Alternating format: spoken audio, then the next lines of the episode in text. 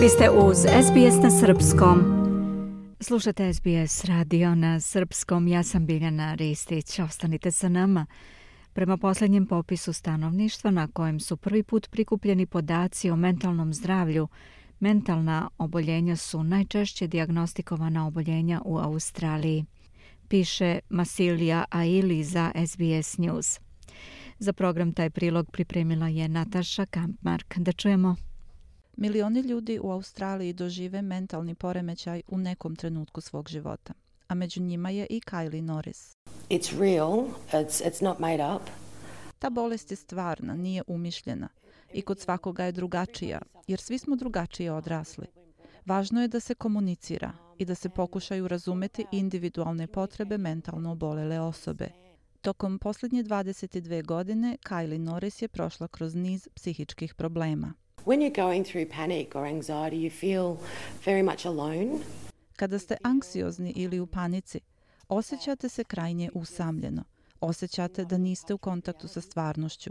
Osjećate da vas, iako pokušavate da se izrazite, niko zaista ne razume.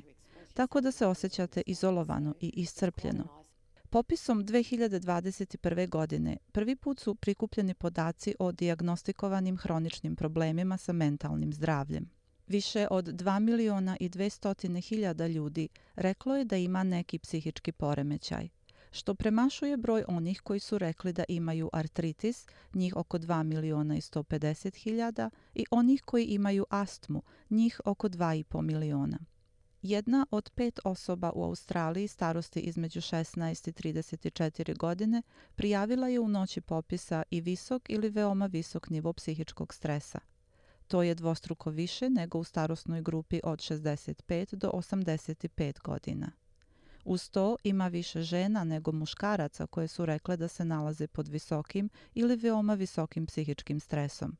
Lara Hunt iz SOS linije za prevenciju samoubistava Lifeline Australia kaže da ovi brojevi ne kazuju čitavu priču. The question asked um, have, has a doctor or a nurse um, informed you? Postavljeno pitanje Da li su vas lekar ili medicinska sestra obavestili da imate jedno od sljedećih stanja vezanih za mentalno zdravlje, bio je jedan od kriterijuma.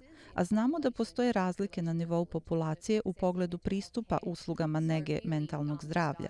Tako da je stvarni broj koji vidimo na terenu verovatno veći nego što ukazuju ovi podaci. Popis je vršen i podaci prikupljeni sredinom godine, kada je u velikom delu zemlje na snazi bila zabrana kretanja. Jane Fosher sa Univerziteta Monash, koja se bavi istraživanjem globalnog zdravlja, kaže da su podaci sa popisa slični rezultatima drugih studija o uticaju pandemije na mentalno zdravlje Australijanaca.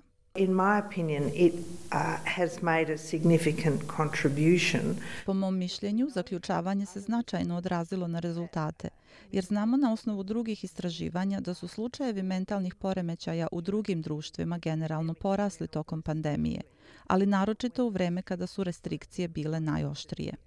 Kylie Norris se nalazi među onima koji su doživjeli povećan nivo psihičkog stresa zbog pandemije. Knowing that there was this, you know, really big virus around, Znajući da vlada ovaj veliki virus, postala sam beskrajno oprezna po pitanju toga u čijoj sam blizini i kuda idem.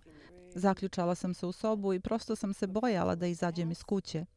Lara Hunt iz SOS linije Lifeline kaže da su ovi podaci veoma zabrinjavajući. What these findings highlight that there's a real need for Ovi rezultati pokazuju da postoji stvarna potreba da usluge mentalne nege budu dostupne na terenu kada god i gde god ljudima zatreba podrška. Kylie Norris to veoma dobro zna. You're going through such a hard time and then you're spending so much time trying to find the right help. Kada vam je mnogo teško, a puno vremena morate da provedete tragajući za odgovarajućom vrstom pomoći, jasno mi je zašto neki ljudi jednostavno dignu ruke i odustanu. Zagovornici bolje pristupačnosti uslugama na polju mentalnog zdravlja nadaju se da će podaci iz popisa doprineti tome da se obezbedi veća podrška svima kojima je potrebna.